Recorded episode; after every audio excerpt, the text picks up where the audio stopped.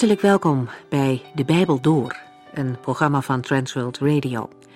De Bijbel Door is een radioserie die u in vijf jaar meeneemt door de hele Bijbel. Van Genesis 1 tot Openbaring 22.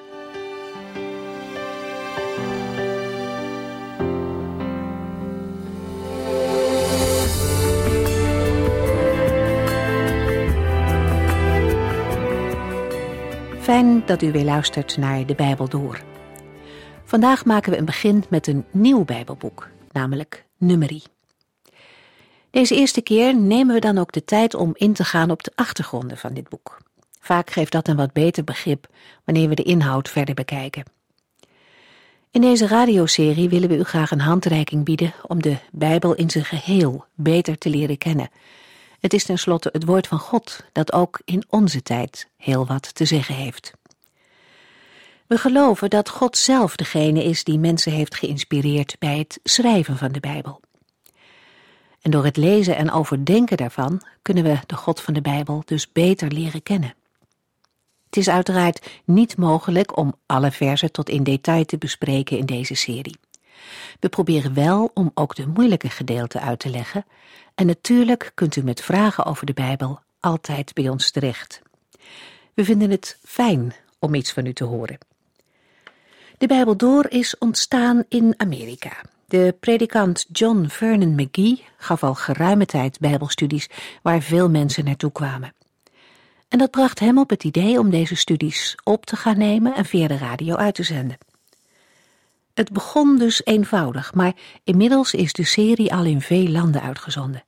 En we hopen van harte dat ook u zegen ontvangt wanneer u met ons elke dag een stukje verder de Bijbel doorgaat. Het is de bedoeling om afwisselend een boek uit het Oude en een boek uit het Nieuwe Testament te bespreken. En zo gaan we in vijf jaar tijd de Bijbel door. Dan wil ik u ook nog graag eraan herinneren dat het mogelijk is om gemiste uitzendingen via internet te beluisteren.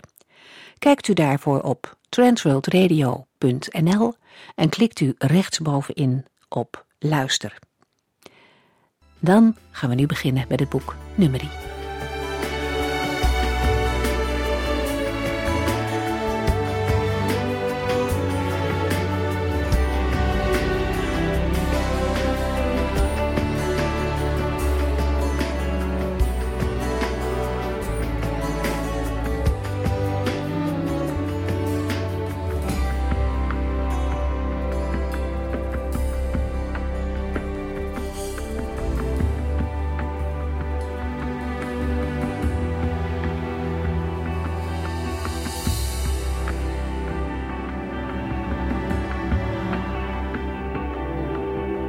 Wij kennen het vierde Bijbelboek onder de naam Numeri.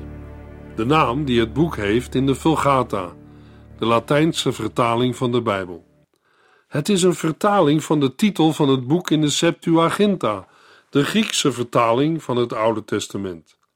De titel is arithmoi, dat betekent getallen. In het oude nabije Oosten werd een boek vaak aangeduid met een van de eerste woorden. Zo kreeg het boek Numeri in het Hebreeuws de titel Bemidbar, dat betekent in de woestijn. Deze titel past beter bij de inhoud van het boek dan de titel Numeri. Heel het Bijbelboek Numeri heeft betrekking op de tijd van Israëls verblijf in en reis door de woestijn, terwijl maar een paar hoofdstukken zich met tellingen met getallen bezighouden, in totaal zeven hoofdstukken. De eerste vijf boeken van de Bijbel, de Pentatuig, Pentatuig betekent vijf boeken, werden door Mozes opgeschreven zoals de Heer het hem op de berg had bevolen. Ze worden in de Bijbel als de wet of Torah aangeduid. Bijbelgetrouwe gelovigen nemen eensgezind aan dat de Heere Mozes heeft gebruikt om de eerste vijf boeken van de Bijbel op schrift te stellen. Zijn er geen vragen te stellen bij het auteurschap van Mozes? Zeker wel. Het boek Numeri vermeldt één keer dat Mozes iets opschrijft, namelijk een overzicht van de plaatsen waar de Israëlieten tijdens de woestijnreis hun kamp opsloegen. Numeri 33. Daarbij wordt in Numeri 33 vers 2 gezegd: Mozes had in opdracht van de Heere een verslag van de reis bijgehouden. Bovendien moet de opleiding die Mozes als Egyptische prins heeft gekregen, hem de vaardigheid hebben gegeven om boeken samen te stellen. Toch zijn er enkele teksten die moeilijk aan Mozes zelf kunnen worden toegeschreven, zoals nummer 12 vers 3. Mozes was de zachtmoedigste man op aarde. In het grotere geheel van de vijf boeken van Mozes is ook Exodus 11 vers 3 te noemen. Mozes was een populair man in Egypte en werd hoog geacht door de dienaren van de farao en het Egyptische volk. Juist Exodus 11 vers 3 is van belang voor het auteurschap van Numeri, wanneer Exodus, Leviticus en Numeri één doorlopende compositie vormen. Er zijn ook enkele teksten die pas na Mozes moeten zijn opgeschreven.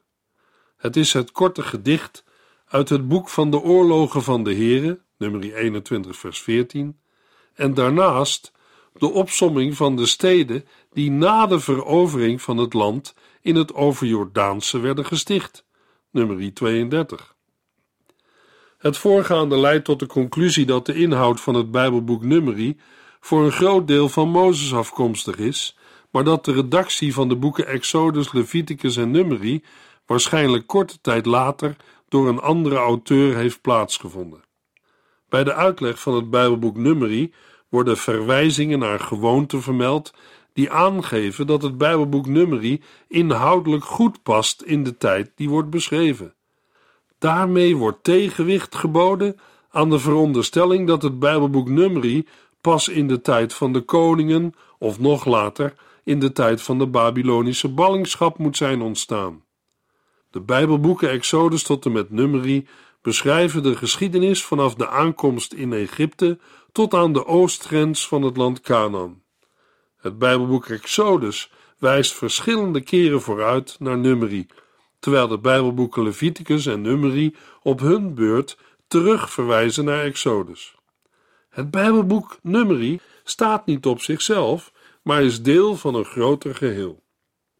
Numeri pakt de geschiedenis van Israël weer op waar Exodus eindigde. U zult zich herinneren dat Genesis, het eerste boek van de Pentateuch, de schepping, de zondeval van de mens en veel andere beginpunten weergeeft. Het beginpunt van Israël, nog geen volk, maar een groeiende familie, die naar Egypte verhuist om aan de hongerdood te ontkomen. In Exodus zien we dat de familie in Egypte een volk wordt. In de tijd zien we dat ze slaven worden in Egypte. Daarna zien we hoe God hen bevrijdt en hen onder leiding van Mozes door de woestijn naar de berg Sinaï brengt. In het Bijbelboek Leviticus zien we de Israëlieten tijd doorbrengen bij de berg Sinaï, terwijl de Heere God de wet en de tabernakel geeft. De Heere roept zijn volk tot zich en geeft voorschriften en onderwijs hoe zijn volk tot hem kan en mag naderen. In het Bijbelboek Numeri zien we de Israëlieten vertrekken van de berg Sinaï naar Kades Barnea. Na hun falen bij Kades Barnea begint de zwerftocht door de woestijn, totdat de Exodus-generatie in de woestijn is gestorven. De lessen die de Israëlieten moesten leren, zijn lessen die u, jij en ik ook moeten leren. Daarom heeft de Heer deze geschiedenis ook voor ons vastgelegd. De boeken zijn geschreven om ons te leren. Wij lezen daar hoe mensen die God onder alles trouw bleven, steeds weer bemoedigd werden. En dat geeft ons nieuwe moed en goede hoop. Romeinen 15, vers 4. We lezen ook in het Nieuwe Testament: dat is allemaal met hen gebeurd om een voorbeeld te stellen het is opgeschreven als een waarschuwing voor ons die in het einde van de tijd leven. 1 Corinthians 10, vers 11. Al deze mensen zijn in het vertrouwen op God gestorven, zonder te krijgen wat hun beloofd was. Zij hebben het alleen uit de verte gezien en waren blij. Zij kwamen er openlijk vooruit dat ze hier op aarde alleen maar gasten en vreemdelingen waren. Hebreeën 11, vers 13. Petrus schrijft in 1 Petrus 2, vers 11: Broeders en zusters, wij blijven hier op aarde vreemdelingen en gasten. Omdat ons werkelijk thuis bij de Heer is, dring ik er bij u op aan niet toe te geven aan de slechte begeerten van deze wereld, die uw leven in gevaar brengen. De Heer Jezus bidt voor leerlingen, maar ook voor u, jou en mij. Vader, ik heb hun doorgegeven wat u verteld hebt. De wereld haat hen, omdat zij, net als ik, niet bij de wereld horen. Ik vraag u niet hen uit de wereld weg te nemen, maar hen te beschermen tegen de duivel. Johannes 17, vers 14 en 15. We gaan weer terug naar het Bijbelboek Numeri. Numeri wekt op het eerste gezicht een onoverzichtelijke indruk door de vele literaire vormen die in het boek gebruikt worden. We vinden er lijsten, wetsteksten, vertellingen en liederen. Dat maakt het moeilijk om tot een algemeen aanvaarde indeling van het Bijbelboek Numeri te komen. De verschillende manieren die zijn voorgesteld zijn afhankelijk van het gezichtspunt van de uitlegger. Ik noem een aantal mogelijkheden van indeling. In het kader van deze uitzendingen voert het te ver om ze allemaal te bespreken. De meeste uitleggers gaan uit van een indeling die gebaseerd is op geografie. Een andere indeling is een indeling naar generaties. Daarnaast is er een indeling die meer inzoomt op de structuur van het Bijbelboek Numeri, een indeling in ringstructuur. Ten slotte noem ik nog de indeling naar thema, oordeel en vergeving en de landbelofte als uitgangspunt van de indeling. Deze laatste indeling heeft mijn voorkeur. Niet in de eerste plaats vanuit een geografische, maar juist vanuit een theologische benadering. Daarbinnen speelt de thematiek van de twee generaties een rol. De eerste generatie was op weg de landbelofte te ontvangen, maar verspeelde deze door rebellie. De Heere maakt vervolgens een nieuw begin met een nieuwe generatie die opnieuw op weg gaat naar het beloofde land. De nadruk op de landbelofte past ook goed in het geheel van de Bijbelboeken Exodus, Leviticus en Numeri. Al in het begin van het Bijbelboek Exodus komt de landbelofte, gegeven in het verbond met Abraham, duidelijk naar voren. Van meet af aan is dan ook duidelijk dat het verblijf van Israël in de woestijn alleen tijdelijk zal zijn. Het verbond dat de Heer op de Sinaï met zijn volk sluit, is niet in de eerste plaats bedoeld voor een leven in de woestijn, maar voor het leven in het land Canaan. Het is belangrijk om ons te realiseren dat de afstand van de berg Sinai tot Kades Barnea tussen de 225 en 300 kilometer was. In die tijd een reis van elf dagen, Deuteronomium 1 vers 20. De Israëlieten brachten 30 dagen door bij Kibrot. Ze brachten 40 jaar door op een reis die zij in 40 dagen hadden kunnen afleggen, omdat hun lopen veranderd was in dwalen. Omdat ze weigerden het land binnen te gaan, kwamen ze na Kades Barnea geen centimeter verder. Aan het eind van hun zwerftocht waren ze weer terug op dezelfde plek, namelijk Kades Barnea. En waarom of waardoor? Om en door hun ongeloof. Luisteraars, zo verging het Israël. En zij zijn een voorbeeld voor ons, of in dit geval een klinkklare waarschuwing. Geloof de Heer op zijn woord en doe wat hij heeft bevolen. De Heer Jezus zegt in Matthäus 7, vers 21: Niet alle mensen die Heeren tegen mij zeggen, komen in het hemelse koninkrijk want daar komt u alleen als u doet wat mijn hemelse Vader wil. Tussen de telling in nummer 1 en de telling in nummer 26 treffen we een geschiedenis aan van bijna 40 jaar rondzwerven van de Israëlieten in de woestijn. Een vergelijking van de aantallen van de beide tellingen toont aan dat de Israëlieten niet in aantal zijn toegenomen, maar verminderd.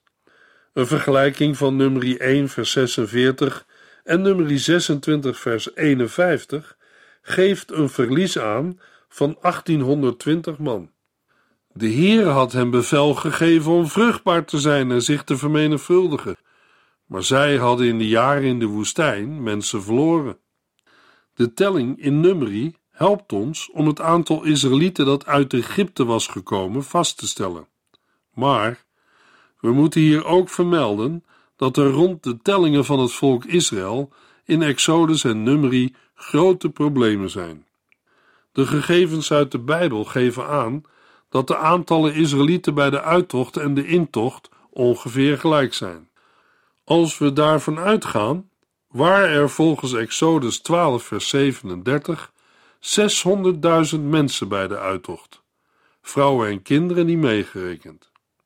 De tellingen in het Bijbelboek Numeri, gehouden in de woestijn, Numeri 1 en Numeri 26, geven ongeveer hetzelfde aantal.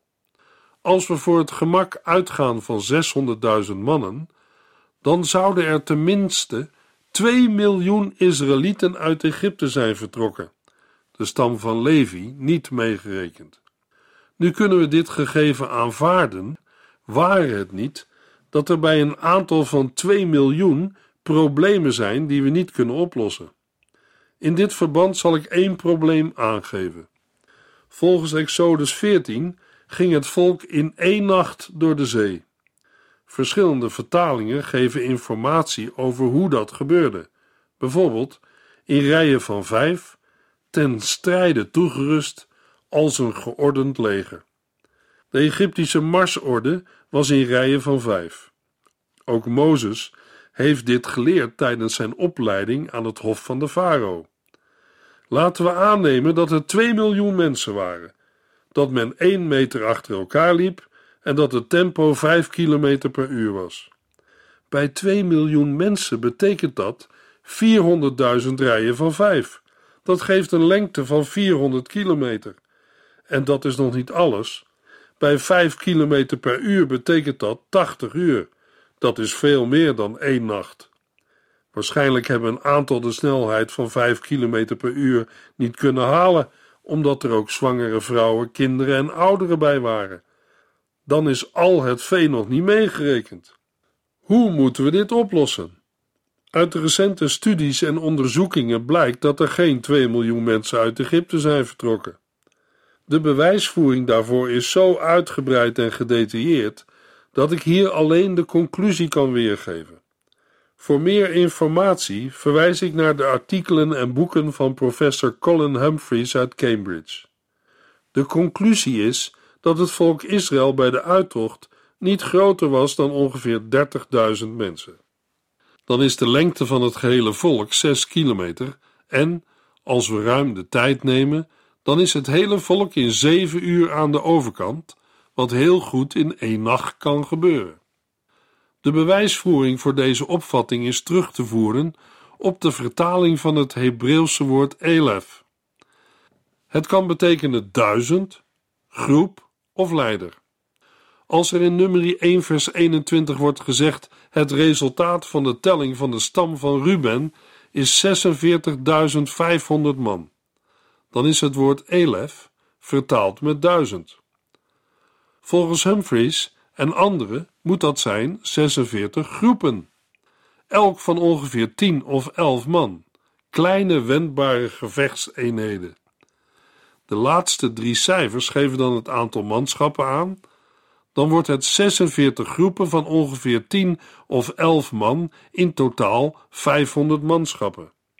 In de tellingen wordt het aantal strijdbare groepen aangegeven en het totaal van de strijdbare mannen. Die is niet bij iedere stam gelijk, ook het aantal per eenheid niet. Bijvoorbeeld, voor de stam van Manasse staat een getal van 32.200.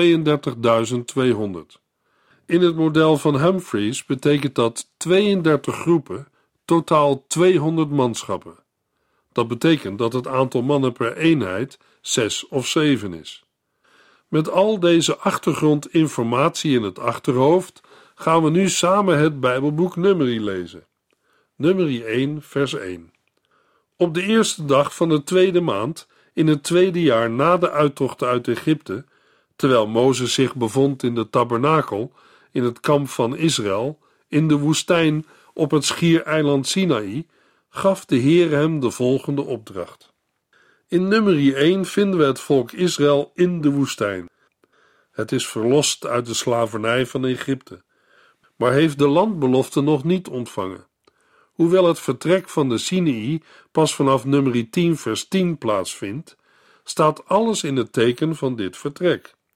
Allerlei zaken moeten nog geregeld worden in de woestijn, maar het geheel ademt een sfeer van gespannen verwachting. Zoals in de uitleg zal blijken, zijn er steeds opnieuw aanwijzingen dat de reis naar het beloofde land niet lang meer op zich laat wachten.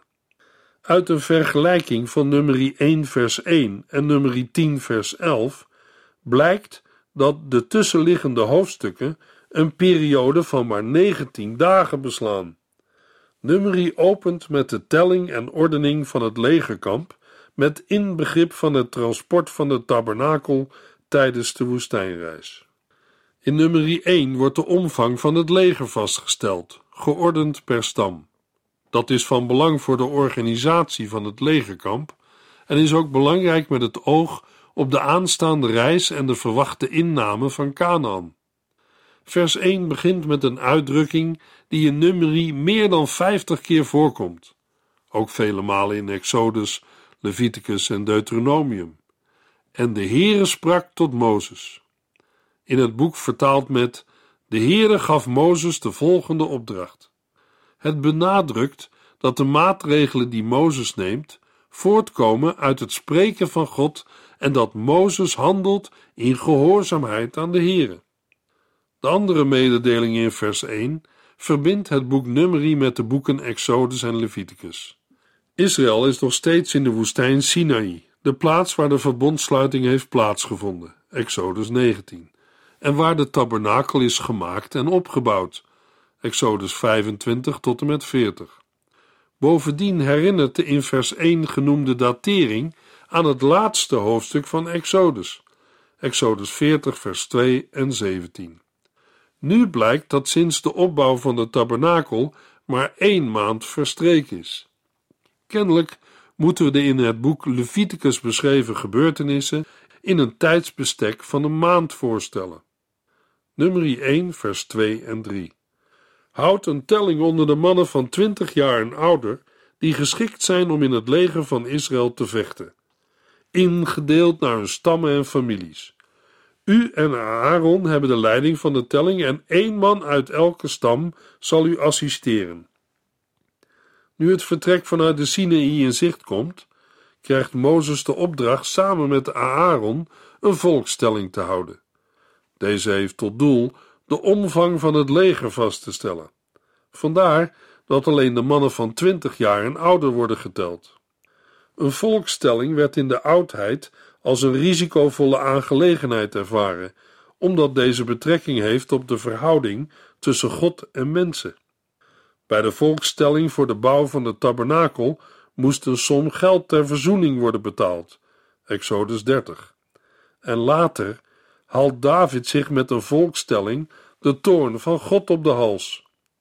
In nummer 1 gaat alle aandacht uit naar de ordening van het volk. Zij moeten Gods heiligheid en zijn volmaaktheid weerspiegelen. De telling moet ordelijk plaatsvinden, ingedeeld naar hun stammen en families. Binnen die stammen en families moeten de mannen van twintig jaar en ouder ingedeeld worden om in het leger van Israël te vechten. Dat wil zeggen, geordend per legereenheid. Vijanden waren er ook in de woestijn. Ook vandaag hebben gelovigen een wapenuitrusting ontvangen. In de brief aan de Efeziërs wordt gesproken over de dagelijkse strijd van gelovigen in de wereld. Ten slotte nog dit: Word sterk door één met de Here te zijn en zijn grote kracht in u te laten werken. Bewapen u met alle wapens die God ons geeft. Dan zal de duivel met zijn slinkse streken u geen kwaad kunnen doen.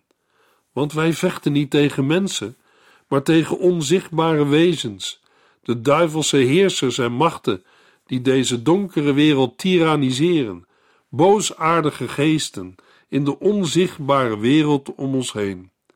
Efeziërs 6, vers 10 tot en met 12.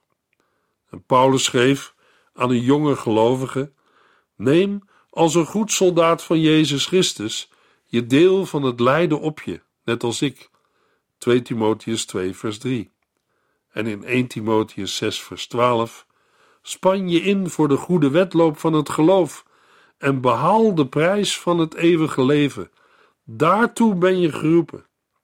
De goede wedloop wordt in de Griekse grondtekst aangeduid met strijd de goede strijd des geloofs. De Israëlieten, maar ook gelovigen vandaag, moeten zich klaarmaken voor de geestelijke strijd. Mozes en Aaron hoeven de telling niet alleen te verrichten. Uit elke stam zal één man hen bijstaan. Al deze mannen zijn zelf familiehoofden, dat wil zeggen mannen met aanzien binnen hun stam en de gemeenschap. Nummer 1, vers 5. Voor de stam Ruben, Eliseur, zoon van Sedeur. Nummer begint met een telling en het noemen van een rij namen die ons niet bepaald opwindend in de oren klinken. Het lijkt niet op een spannend verhaal en er zal nooit een film over worden gemaakt. De 54 versen uit het eerste hoofdstuk komen ons voor als onnodige details en nogal saai om te lezen. Maar laten we bedenken dat de Heer deze details belangrijk genoeg vond om ze in de Bijbel op te nemen. Voor hem zijn ze wel belangrijk. Laten we proberen er iets van te ontdekken. Een eerste punt dat we zien is dat de Heere individuele mensen belangrijk vindt. Landen, volken en stammen hebben een plaats en spelen een rol, maar de Heere is geïnteresseerd in elk mens. Mozes en Aaron moesten een telling houden en ze moesten uit elke stam één assistent nemen. De namen van deze assistenten worden vermeld. Ze zijn misschien te monotoon of te moeilijk om op te lezen, maar elke naam is voor God belangrijk en heeft een specifieke betekenis en ook een eigen verhaal. U moet de betekenis van al die namen eens opzoeken. Als u de Hebreeuwse betekenis van de namen vindt en begrijpt, geeft het een mooie boodschap. Nummer 1, vers 5. Voor de stam Ruben, Eliseur, zoon van Sedeur. Eliseur betekent: Mijn God is een rots.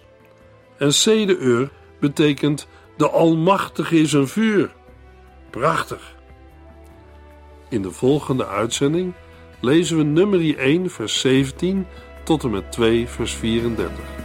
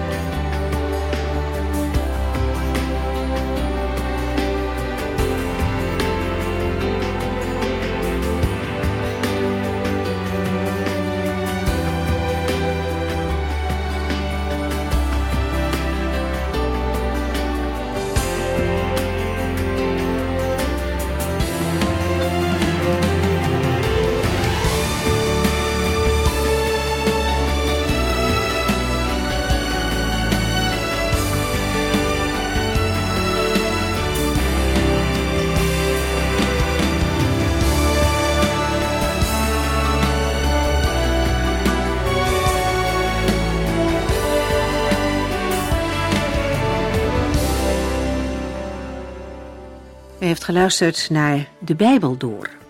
In het Nederlands vertaald en bewerkt door Transworld Radio. Een programma waarin we in vijf jaar tijd de hele Bijbel doorgaan.